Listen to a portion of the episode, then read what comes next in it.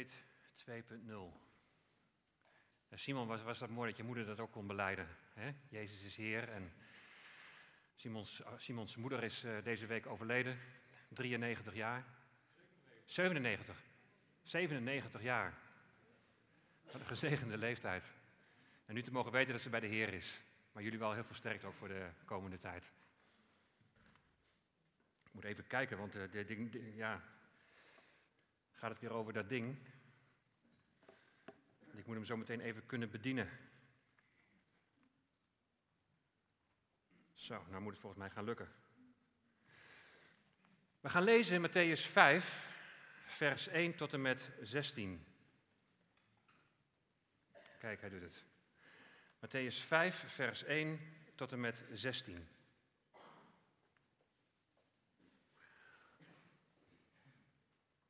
Ik lees het uit de herziene statenvertaling. Toen Jezus de menigte zag, ging hij de berg op en nadat hij was gaan zitten, kwamen zijn discipelen bij hem. En hij opende zijn mond en onderwees hen. En hij zei, zalig zijn de armen van geest, want van hen is het koninkrijk der hemelen. Zalig zijn zij die treuren, want zij zullen vertroost worden. Zalig zijn de zachtmoedigen, want ze zullen de aarde beërven. Zalig zijn zij die hongeren en dorsten naar de gerechtigheid, want ze zullen verzadigd worden. Zalig zijn de barmhartigen, want aan hen zal barmhartigheid bewezen worden. Zalig zijn de reinen van hart, want zij zullen God zien. Zalig zijn de vredestichters, want ze zullen Gods kinderen genoemd worden. Zalig zijn zij die vervolgd worden om de gerechtigheid, want van hen is het koninkrijk der hemelen. Zalig bent u als men u smaadt en vervolgt. En door te liegen allerlei kwaad tegen u spreekt, omwille van mij. Verblijd en verheug u, want uw loon is groot in de hemelen, want zo hebben ze de profeten vervolgd die voor u geweest zijn. U bent het zout van de aarde. Maar als het zout zijn smaak verloren heeft, waarmee zal het gezouten worden? Het deugt nergens meer voor dan om weggeworpen en door de mensen vertrapt te worden. U bent het licht van de wereld. Een stad die bovenop een berg ligt, die kan niet verborgen zijn. En ook steekt men geen lamp aan en zet die onder de korenmaat, maar op de standaard. En het schijnt voor allen die in het huis zijn. Laat uw licht zo schijnen voor de mensen, dat zij uw goede werken zien en uw Vader die in de hemelen is, verheerlijken. Tot zover de schriftlezing. Zullen we samen uw zegen vragen over de verkondiging? Vader, we danken u voor uw woord. We danken u wat u aan ons hebt toevertrouwd. Heer, maar we willen u bidden om de leiding van uw Heilige Geest. We willen bidden om uw wijsheid bij het uitleggen en bij het verstaan en bij het horen. Heer, dat we zullen mogen begrijpen wat u met deze boodschap bedoelde en wat deze boodschap voor morgen voor ons persoonlijk betekent. Wilt u spreken door uw woord, door uw geest? Wilt u onze harten daarin aanraken? We hebben zijn deze dienst begonnen met uit te zingen dat we verlangen naar een ontmoeting met u. Dat we zo ook deze ontmoeting mogen beleven. Als we zo met dit Bijbelgedeelte bezig mogen zijn en daarover na mogen denken. Heer, kom tot uw doel met een ieder van ons. In Jezus' naam. Amen.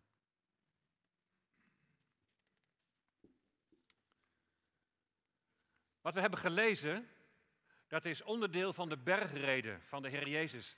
En die bergreden, dat is zo'n enorm grote update. Kijk, bijna iedereen die heeft tegenwoordig wel zo'n zo'n smartphone. Bijna iedereen, denk ik. En dan regelmatig dan krijg je updates. En de bedoeling van die updates is dat dan de programma's weer beter gaan werken of dat ze beter beveiligd worden. En, en het besturingssysteem van, van je iPhone of van je weet ik veel wat je hebt, die begint dan vaak met een versie 1.0. Om het maar even heel simpel te houden, want anders snap ik het zelf ook niet meer. Maar in ieder geval, het begint met een versie 1.0. Ga daar maar even vanuit. Nou, als er dan vervolgens wat achter die punt gaat wijzigen, bijvoorbeeld het wordt 1.1, en dan over een tijdje, dan komt er weer een nieuwe update 1.2, nou dan gebeurt er nog niet zoveel schokkends. Dan kun je gerust je update plaatsen en dan, komt het vast allemaal goed. Maar als er een cijfertje voor de punt verandert, 1.0 wordt 2.0, dan wordt het een ander verhaal. En er zijn dan ook veel mensen die denken van nou, ik zal nog maar even wachten met die update, want er zouden zomaar wat bugs in kunnen zitten. Misschien is het wel niet helemaal goed uitgekristalliseerd. En voordat je het weet, loop je vast. Nou, al die appjes die ik net noemde, nou, dat waren er nog maar een paar. Zo zijn er honderden. Die updaten vaak al individueel tussentijds, wat je zelf niet eens in de gaten hebt. Maar als het besturingssysteem wordt geüpdate, dan moet je maar weer afwachten wat het effect op al die appjes is. Een update, die moet heel goed voorbereid worden en die moet goed geïnstalleerd worden, want anders dan gaat er van alles mis. Nou ja, jullie zullen je misschien afvragen, wat heeft dit te maken met het gelezen Bijbelgedeelte van vanmorgen? Alles. Wat we gelezen hebben, dat is onderdeel van de bergreden van de Heer Jezus. En die bergreden is een enorme grote update van het besturingssysteem. Zo'n 1500 jaar geleden was er namelijk ook al een bergreden en dat was de bergreden 1.0. Het volk heeft Egypte verlaten. Ze gaan door de woestijn, komen bij de berg Sinaï, bij Horeb. En daar ontvangt het volk ontvangt de wet.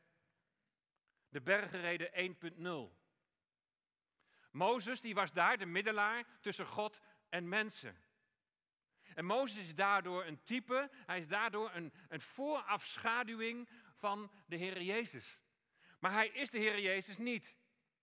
Hij is de schaduw van de Messias die komen gaat. 1500 jaar later komen we hier in Matthäus 5 bij de Heer Jezus zelf. De middelaar tussen God en mensen. En daarom is het zo'n giga-update. Het verschil is Jezus niet of Jezus wel aanwezig. De schaduw die plaatsmaakt voor de werkelijkheid. Hij die gedoopt is door Johannes de Doper, om zich te vereenzelvigen met het zondige volk dat in duisternis wandelt, zoals we vorige keer hebben gezien. Opdat hij waarachtig de middelaar kan zijn. Hij die de zalving van de geest heeft ontvangen. De geest kwam in de gedaante van een duif op hem. De zalving, net zoals bij koningen en priesters en profeten, vlak voor het moment dat Jezus uitgaat om te prediken. Hij die in de confrontatie met de duivel laat zien dat de overwinning al vaststaat. De liederen stonden in teken van de overwinning die behaald is aan het kruis van Golgotha. Hij die in de confrontatie dus met de duivel laat zien dat de overwinning vaststaat. Hij die tijdens de verzoekingen in de woestijn in zijn antwoorden vanuit de Bijbel laat zien dat hij van God zijn vader afhankelijk wil zijn en dat hij hem alleen wil vertrouwen. Een beetje korte samenvatting van waar we al bij stil hebben gestaan. Jezus de middelaar. De middelaar die mensen om zich heen verzamelde en zei: Volg mij maar na. Kijk maar gewoon naar wat ik zeg. Kijk, kijk naar wat ik doe. En hij verkondigt dan het koninkrijk dat aanstaande is. En hij noemt dat het koninkrijk der hemelen. Een koninkrijk van gerechtigheid en vrede, waar hij, Jezus, zal regeren. Een aards koninkrijk dat hemels zal zijn. Uw koninkrijk komen. Of zoals de nieuwe Bijbelvertaling dat zegt, laat uw koninkrijk komen.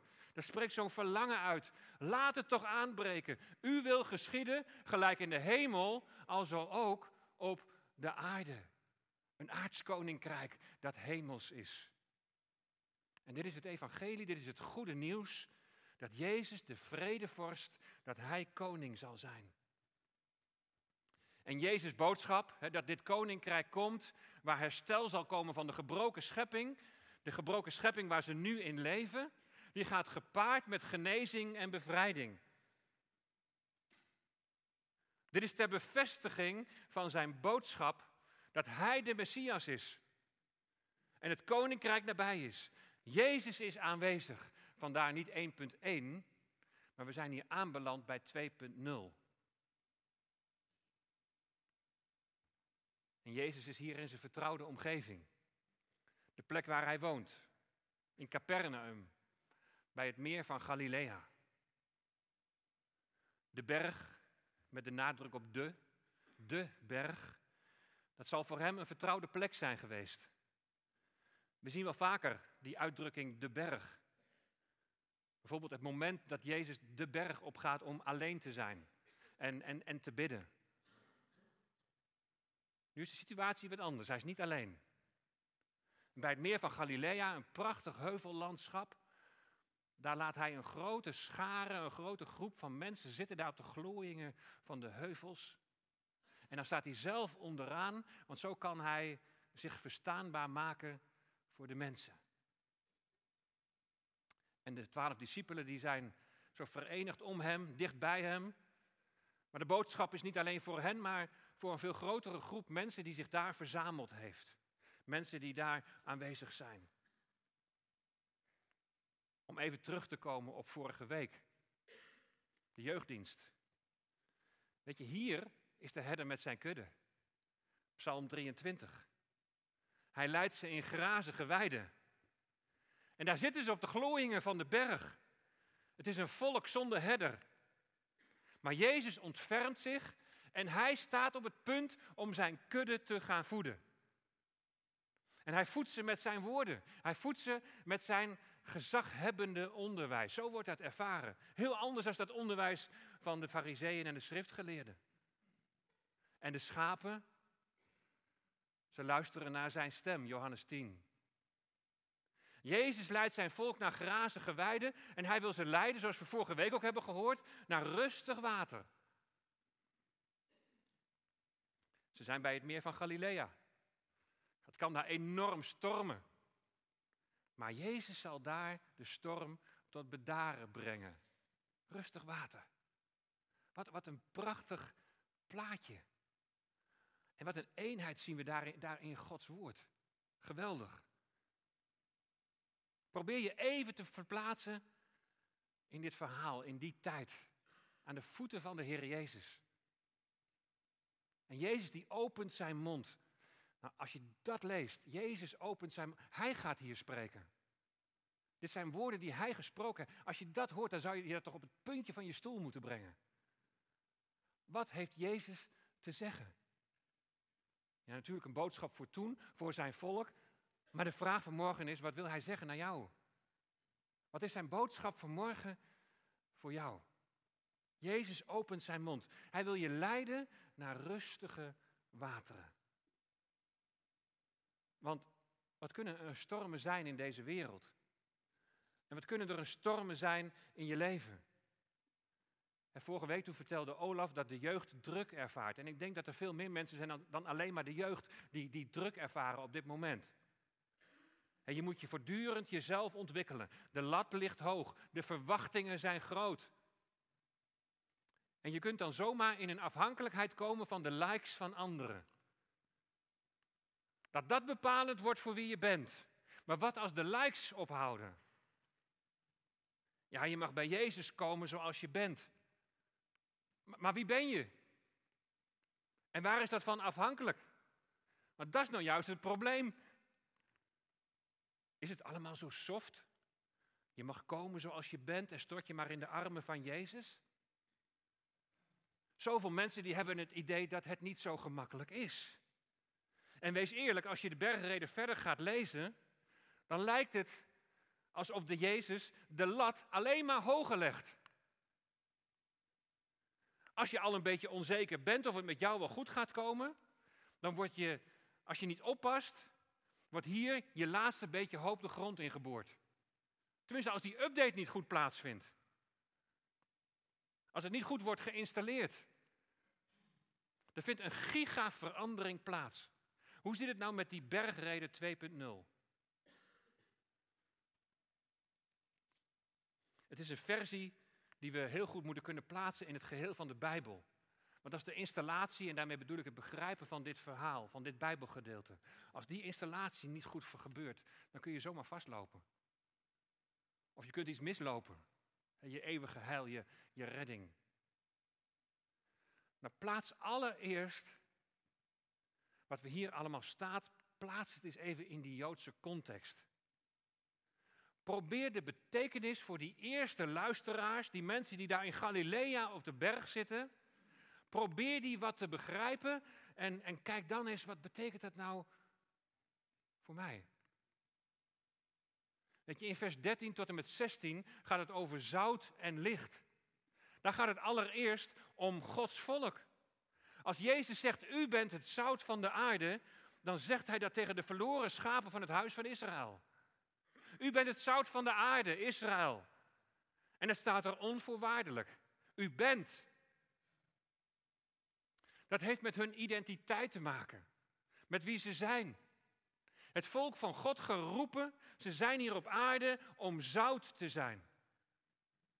En weet je wat dat betekent? Om het zout te zijn op deze aarde. Dat betekent dat ze geroepen zijn om de wijsheid van God in deze dwaze wereld te brengen. Ze zijn geroepen om Gods wijsheid te bewaren en te beschermen en mensen daarvan te laten proeven. Zout heeft immers de functie van, van bewaren en beschermen tegen verderf. Zout is toch wat smaak geeft aan het voedsel. Maar als het zout zijn smaak verloren heeft, en letterlijk staat daar, als het zout dwaas geworden is, zie je dwaas tegenover wijsheid. Als het zout nou dwaas geworden is, door wereldgelijkvormigheid, door te vertrouwen op aardse menselijke wijsheid, dan heeft het zijn functie verloren. En zo komt Gods volk naast haar roeping te staan. Door met die wereld mee te gaan, worden ze door de mensen vertrapt dan worden ze onder de voet gelopen. Het wereldse denken en het wereldse handelen krijgt dan de overhand. Is bij ons precies hetzelfde. Als we in het denken van de wereld meegaan, dan worden we daardoor overspoeld. Dan worden we daarin meegesleurd. Ze zijn dan als een boom die geen vrucht draagt. En wat gebeurt er met zo'n boom? Die wordt uitgehouwen en in het vuur geworpen. Ze gaan verloren wat hun roeping betreft. U bent het licht van de wereld, zegt Jezus, ook weer onvoorwaardelijk. Ook hier ligt weer de nadruk op de, op de roeping van Israël, een licht voor de volken. Een licht voor hen die in de duisternis zijn. De vorige keer hebben we daarbij stilgestaan, ze wandelen in duisternis. we zijn een keer s'avonds, toen het donker was, over het meer van Galilea gevaren. En dan zie je overal op de berghellingen zie je van, van die allemaal lampjes van huizen. En Tiberias was één grote lichtzee. Israël is door God als een stad op de berg geplaatst, als een lamp op een hoge standaard. Door hen wil God deze wereld verlichten en wil Hij laten zien wie Hij is. En de opdracht aan Jezus gehoor is daar op de bergen van Galilea, laat uw licht zo schijnen voor de mensen, dat zij uw goede werken zien en uw Vader die in de hemelen is, verheerlijken. In het leven van de discipelen van Jezus moet het koninkrijk van God zichtbaar zijn. Daar moet zichtbaar zijn dat God regeert. En dat gebeurt niet alleen door goede daden, want met goede werken, daar wordt je gedrag in, je, in zijn totaliteit wordt daar bedoeld. Wat weerspiegel je van God? In je woorden, in je daden, in je hele zijn. Maar het volk wandelt in duisternis. Ze zijn in de greep van de macht van de duisternis. Grote interesse voor magie hebben we de vorige keer gezien. Interesse voor duistere machten en een leven in onreinheid. Ze zijn de weg kwijt. En ze zoeken het in allerlei dingen, maar vinden niet het ware geluk. Is er nog een weg terug? Hoe is jouw wandel? Ben je gericht op de wijsheid van God? Bedenk je de dingen die boven zijn? Of ben je zo'n schaap? Ik vond dat wel een mooi beeld vorige week. Ben je zo'n schaap die met zijn dikke vacht in de woeste waterstromen van deze wereld terecht is gekomen en steeds verder afdwaalt en dreigt te verdrinken? Materialisme. Je werkt niet om te leven, maar je leeft om te werken. Workaholics. Onreinheid verslaafd aan je scherm en je steeds weer in een pseudo-wereld begeven waar alles veel beter en veel mooier lijkt dan thuis? Is er nog een weg terug? En de vraag is, zou je dat echt willen? Het volk dat in duisternis wandelt, het volk dat in duisternis is, daartegen zegt Jezus, in vers 10 en 11, dat als jullie gaan leven naar de zaligsprekingen van de versen 3 tot en met 9, dan, dan gaat het zout gaat weer zijn werking hebben. Dan zullen jullie weer het licht verspreiden. Maar bedenk je wel, als je die weg teruggaat, dat zal door anderen niet gewaardeerd worden. Het gevolg zal zijn dat je wordt vervolgd. Wil je die weg terug. We hebben van Suela gehoord in Irak. Dan word je neergeschoten. Dan zeggen de gelovigen onderling van, we hoeven niet verdrietig te zijn, hij is bij de Heer. Wil, wil je die weg terug? Wat is dan die weg uit de duisternis? Nou, dan moet je de zaligsprekingen eens gaan lezen. Dat woord zalig betekent je bent gelukkig. Je bent opgetogen. En je, je geniet en je ervaart een grote, diepe innerlijke vreugde. Ken je die zaligheid? Wat maakt je echt gelukkig? Is niet iedereen daarna op zoek? Wat waar geluk brengt? Wat maakt zalig? Ik heb meerdere keren bij huwelijken die vastliepen mensen horen zeggen: Ik ga nu voor mijn geluk. Maar wat is waar geluk? Vind je dat dan bij die ander? We beginnen bij de eerste drie zaligsprekingen vanaf vers 3. Zalig zijn de armen van geest, want van hen is het koninkrijk der hemelen. Zalig zijn zij die treuren, want zij zullen vertroost worden. Zalig zijn de zachtmoedigen, want zij zullen de aarde beërven. Of zoals de nieuwe Bijbelvertaling dat zegt, ze zullen het land bezitten.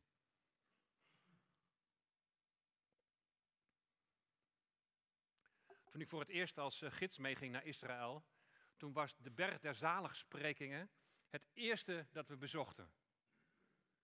En daar heb ik uitgelegd dat wat Jezus hier zegt in Matthäus 5, dat dit niet nieuw is. Jezus baseert zich op de Tenach, op het Oude Testament. Om die eerste drie versen goed te kunnen begrijpen, om die goed te kunnen installeren als het ware, moet je eerst, of zou je eerst Jezaja 61, vers 1 en 2 eens moeten lezen. Daar staat de geest van de Heer rust op mij, want de Heer heeft mij gezalfd. Dit is 600 jaar voor Christus, is dit al een heenwijzing naar de Messias. De bevestiging dat Jezus de Messias is. Want bij zijn doop komt immers de geest op hem. Wordt de Heer Jezus gezalfd om aan zijn taak te kunnen beginnen. En wat is dan die taak van de Heer Jezus? Om aan armen, zie je, heb je armen, komt daar weer terug. Om aan armen het goede nieuws te brengen, heeft hij mij gezonden. Om aan verslagen harten hoop te bieden. Om aan gevangenen hun vrijlating bekend te maken. En aan geketenden hun bevrijding hebben we ook al bij stilgestaan, Jezus die bevrijdt, om een genadejaar van de Heer uit te roepen en een dag van wraak voor onze God, om allen die treuren te troosten. Nou, waarom is de bergreden nou zo'n giga-update naar 2.0? Omdat Jezus het verschil maakt.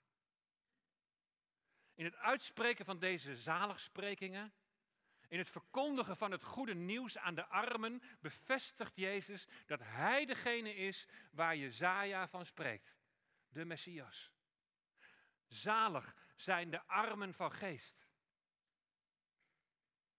Het Griekse woord dat hier voor armen wordt gebruikt, geeft aan dat het gaat om bedelaars. Bedelaars die, die zonder hulp zullen omkomen, omdat ze te weinig hebben om in leven te blijven. Hoewel het zeker belangrijk is om voor de armen te zorgen, dat is ook een opdracht, maar daar gaat deze tekst niet over. In Rooms-Katholieke kring zijn er nog wel mensen die, die het uitleggen als een oproep tot gedwongen sociale armoede. En we zouden volgens hen een bedelorde moeten worden, in soberheid gaan leven. Dus op grond van deze tekst. Maar er staat hier arm van geest.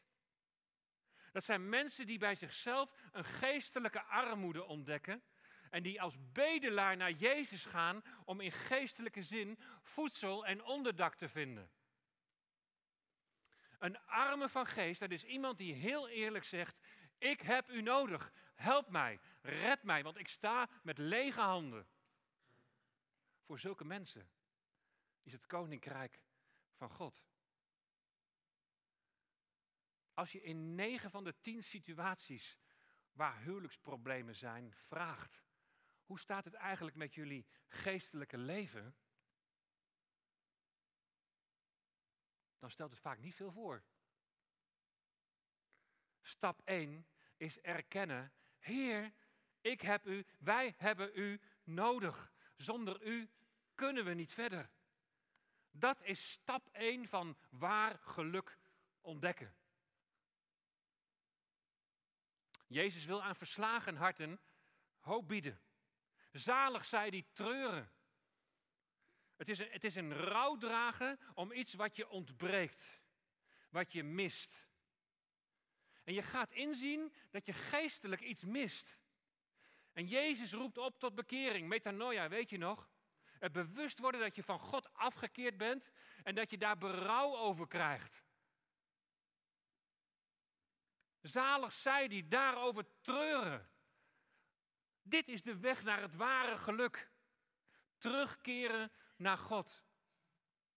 En ik weet niet of je bent afgedwaald, of hoe je bent afgedwaald, of tot hoe ver je bent afgedwaald. Maar aan verslagen harten biedt Jezus hoop. Zalig de zachtmoedige.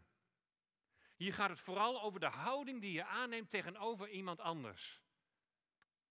Er kan een conflict of strijd zijn in je huwelijk of binnen je familie, op je werk, in de kerk. En Jezus die roept dan op tot zachtmoedigheid.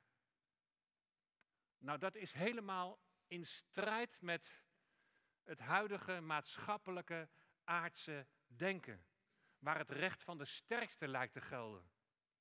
Hoezo zachtmoedig? Joh, dan ben je een loser. Je moet voor jezelf opkomen, je moet voor je recht opkomen. Nee, we moeten Gods wijsheid, het zout laten zien door de gezindheid van de Heer Jezus aan te nemen, die zegt, ik ben zachtmoedig en ik ben nederig van hart. Zachtmoedig zijn in het besef van je eigen geestelijke staat en het besef dat je van dezelfde genade afhankelijk bent dan degene die tegenover je staat. Je bent van dezelfde genade afhankelijk van degene, als degene die tegenover je staat. En dan zul je het land bezitten. Zo heeft God zijn volk het land dat hij beloofd heeft, zal hij aan hen geven als zij terugkeren naar hem. Dan geeft God je een plek om te dienen.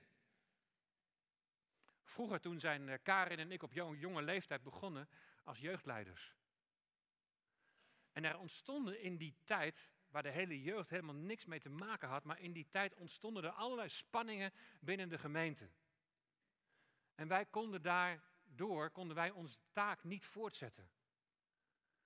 En dat was een rouwperiode. Het leek alsof ons levenswerk ons werd ontnomen. Samen moesten we terug naar God. En in mijn frustratie en boosheid over onrecht heb ik dingen gedaan en gezegd waar ik me later voor schaamde. De Heer Jezus moest zijn zachtmoedigheid in mijn hart bewerken. En zo is die rouwperiode is voor mij een geweldig leermoment geweest. Terug naar God. En op een gegeven moment gingen er deuren open die wij niet voor mogelijk hadden gehouden. We hadden een reset nodig in het dienen van God. Alles moest even weer opnieuw geïnstalleerd worden. Zalig, die hongeren en dorsten naar de gerechtigheid. Ik kan me nog herinneren dat ik zo'n jaar of zes, zeven geleden Anjo Simonsen tegenkwam in Apeldoorn. Wij waren toen nog niet in Emmeloord en hij was toen nog voorzitter van de raad. En toen zei hij tegen mij, hoe vast zit jij in Deventer? Want we hebben het binnen de raad over jou gehad. We waren daar voor een of andere training van Bart Broekman. Ik weet niet eens meer precies wat nou de achterliggende gedachte was, maar we zaten naast elkaar in de zaal. En we kregen best wel behoorlijk persoonlijke vragen te, te verwerken.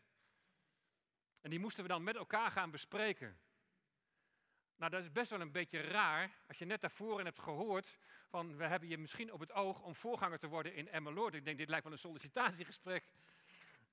Je moet toch wel even iets van jezelf blootgeven op dat moment, tenminste als je eerlijk antwoord wilt geven. En een van die vragen was van, zijn er ook dingen in je leven waarvan je zegt, nou, zoiets was het van, van, van, waar je boos van wordt? En toen zei ik tegen Anjo, waar ik boos van kan worden, dat is onrecht. En ik heb het geloof ik al eens verteld, maar het gebeurde een keer. We waren net met onze taak als jeugdleiders gestopt. Dat op een gegeven moment een oudste een mededeling deed. waarvan ik wist dat hij er bewust omheen draaide en niet de waarheid vertelde. Onrecht. Ik ontplofte. Bij de uitgang greep ik hem bij zijn stropdas en ik zei: Wat je nu hebt verteld is niet waar. Nou, gelukkig zijn er tegenwoordig niet zoveel mensen met een stropdas meer. Anders is het oppassen geblazen. Hongeren en dorsten naar gerechtigheid. Ja, zo is dat hier natuurlijk niet bedoeld. Ik zei al, er zijn dingen gebeurd waar ik me later voor schaamde. Maar daar was dit er één van. Hongeren en dorsten naar gerechtigheid heeft hier een hele andere betekenis. Want wie spreekt Jezus hier? Je hebt immers honger en dorst. Je komt tekort. Maar honger en dorst wil tegelijk ook zeggen, maar je hebt er wel een verlangen naar. Het is zo makkelijk om het tekort bij die ander te zien en hem dan bij zijn stropdas te grijpen en dan kwaad te willen vergelden. Maar hoe sta je zelf tegenover God? Jezus is de enige die recht tegenover hem kan staan. En recht tegenover hem staat. En alleen in hem, in relatie met hem, door zijn genade kun je worden vrijgesproken van schuld. En in hem mag je recht staan voor God.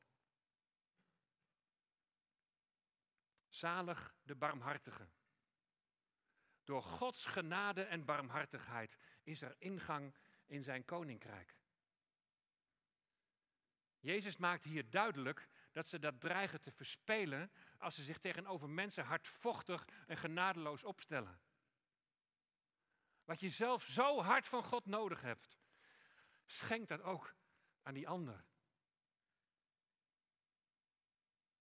Zalig de reinen van hart.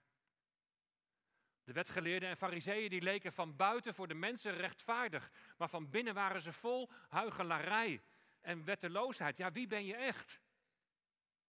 Rein van hart wil niet zeggen dat je niet meer zondigt. Maar het wil wel zeggen dat in jou dat diepe verlangen is om God te dienen. Zoals in Psalm 86, vers 11 staat: Leer mij, Heere, uw weg. Ik zal in uw waarheid wandelen. Maak mijn hart één om uw naam te vrezen. Maak mijn hart één, onverdeeld. De reinen van hart proberen niet God en de wereld tegelijk te dienen. Niet Die aardse wijsheid niet steunen op materialisme of jezelf verliezen in onreinheid.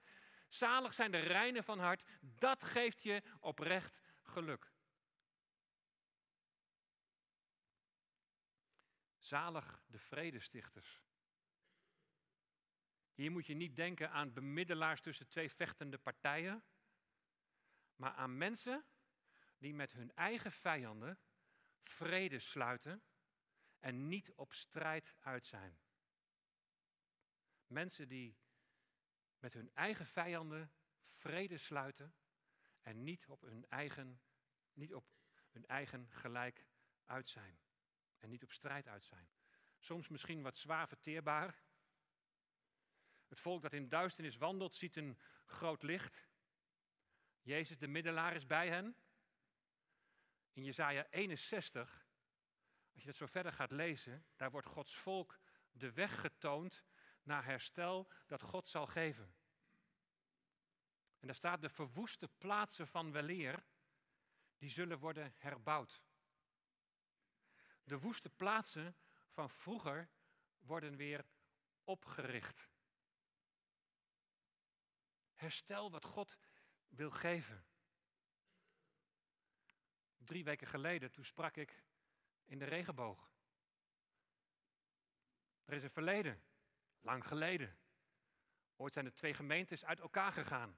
Zijn ieders hun eigen weg gegaan. En gelukkig is de verstandhouding met elkaar hartstikke goed en kunnen we goed met elkaar door één deur. Maar het was wel een historische gebeurtenis om daar als voorganger van de fontein te mogen spreken. Ik dacht, ja, de verwoeste plaatsen van weleer, die zullen worden herbouwd. De woeste plaatsen van vroeger, die worden weer opgericht. En misschien zijn er hele andere dingen in jouw leven verwoest, kapot gemaakt. Door wat anderen je aangedaan hebben of door wat je zelf teweeg hebt gebracht. Verwoeste steden staat daar, die worden vernieuwd, die verwoest lagen van generatie op generatie. En die weg van herstel die kan gaan door pijn en door verdriet en door lijden heen. En dat is omdat Jezus ook door pijn en lijden heen ging. We volgen Hem toch na? Zijn we bereid om er doorheen te gaan? En zijn we bereid om in alle omstandigheden de onderste weg te gaan? De weg van Jezus.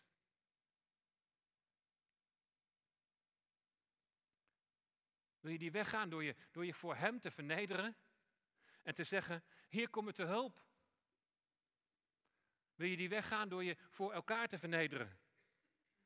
Zeggen, broeder, zuster, ik heb zelf zoveel genade nodig.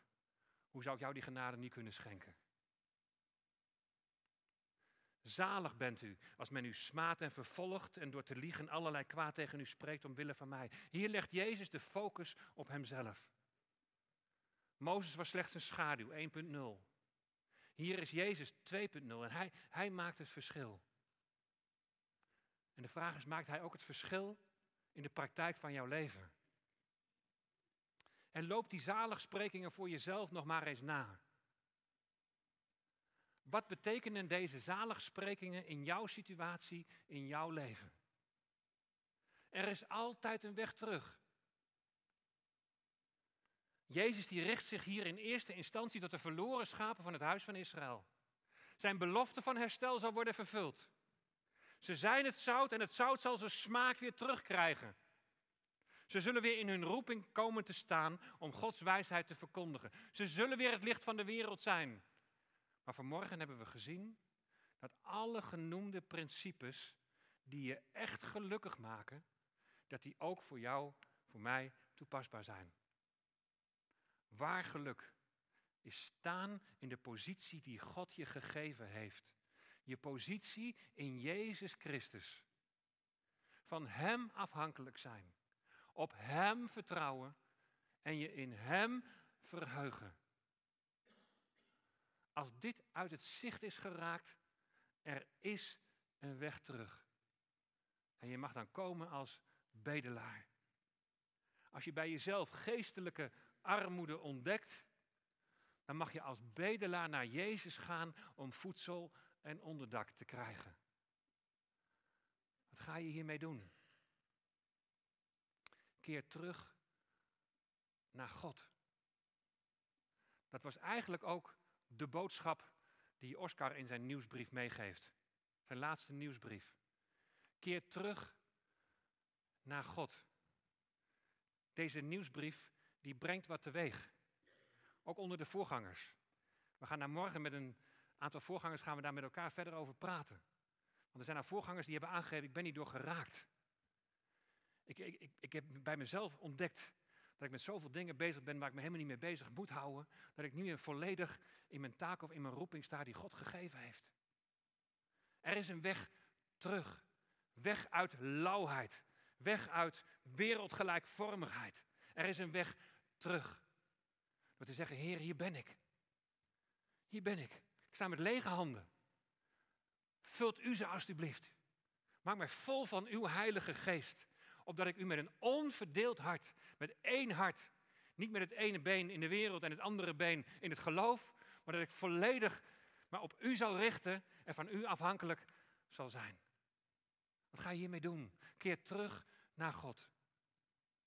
Zoek je weg, geleid door de geest van God, naar het geluk en naar de vreugde in het kennen van Hem en in het staan in Zijn dienst.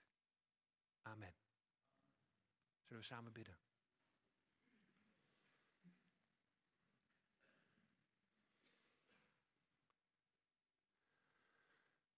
We danken u, Heer, dat bij u altijd herstel mogelijk is. U bent een God van herstel. U hebt het herstel gegeven door uw zoon, die naar deze aarde kwam om zijn leven af te leggen. U hebt herstel gegeven door de dood en de duivel te overwinnen. U hebt herstel gegeven door op te staan uit de dood. U geeft leven. U wilt herstel geven. Heer, en ja, we hebben vanmorgen zoveel gehoord over datgene wat u zelf, Heer Jezus, gesproken hebt tot de scharen daar op de bergen in Galilea. Maar Heer, het was ook een boodschap voor ons.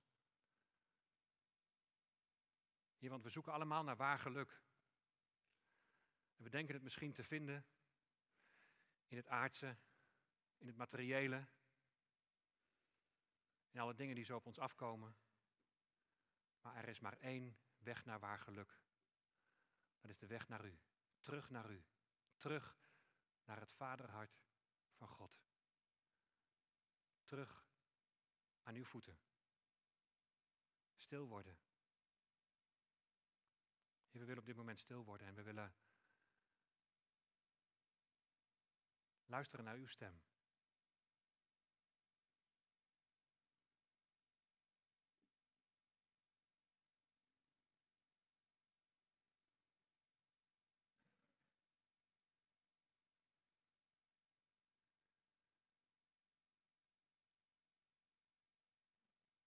Heer, laat uw glorie zien. Toon uw glorie in ons midden.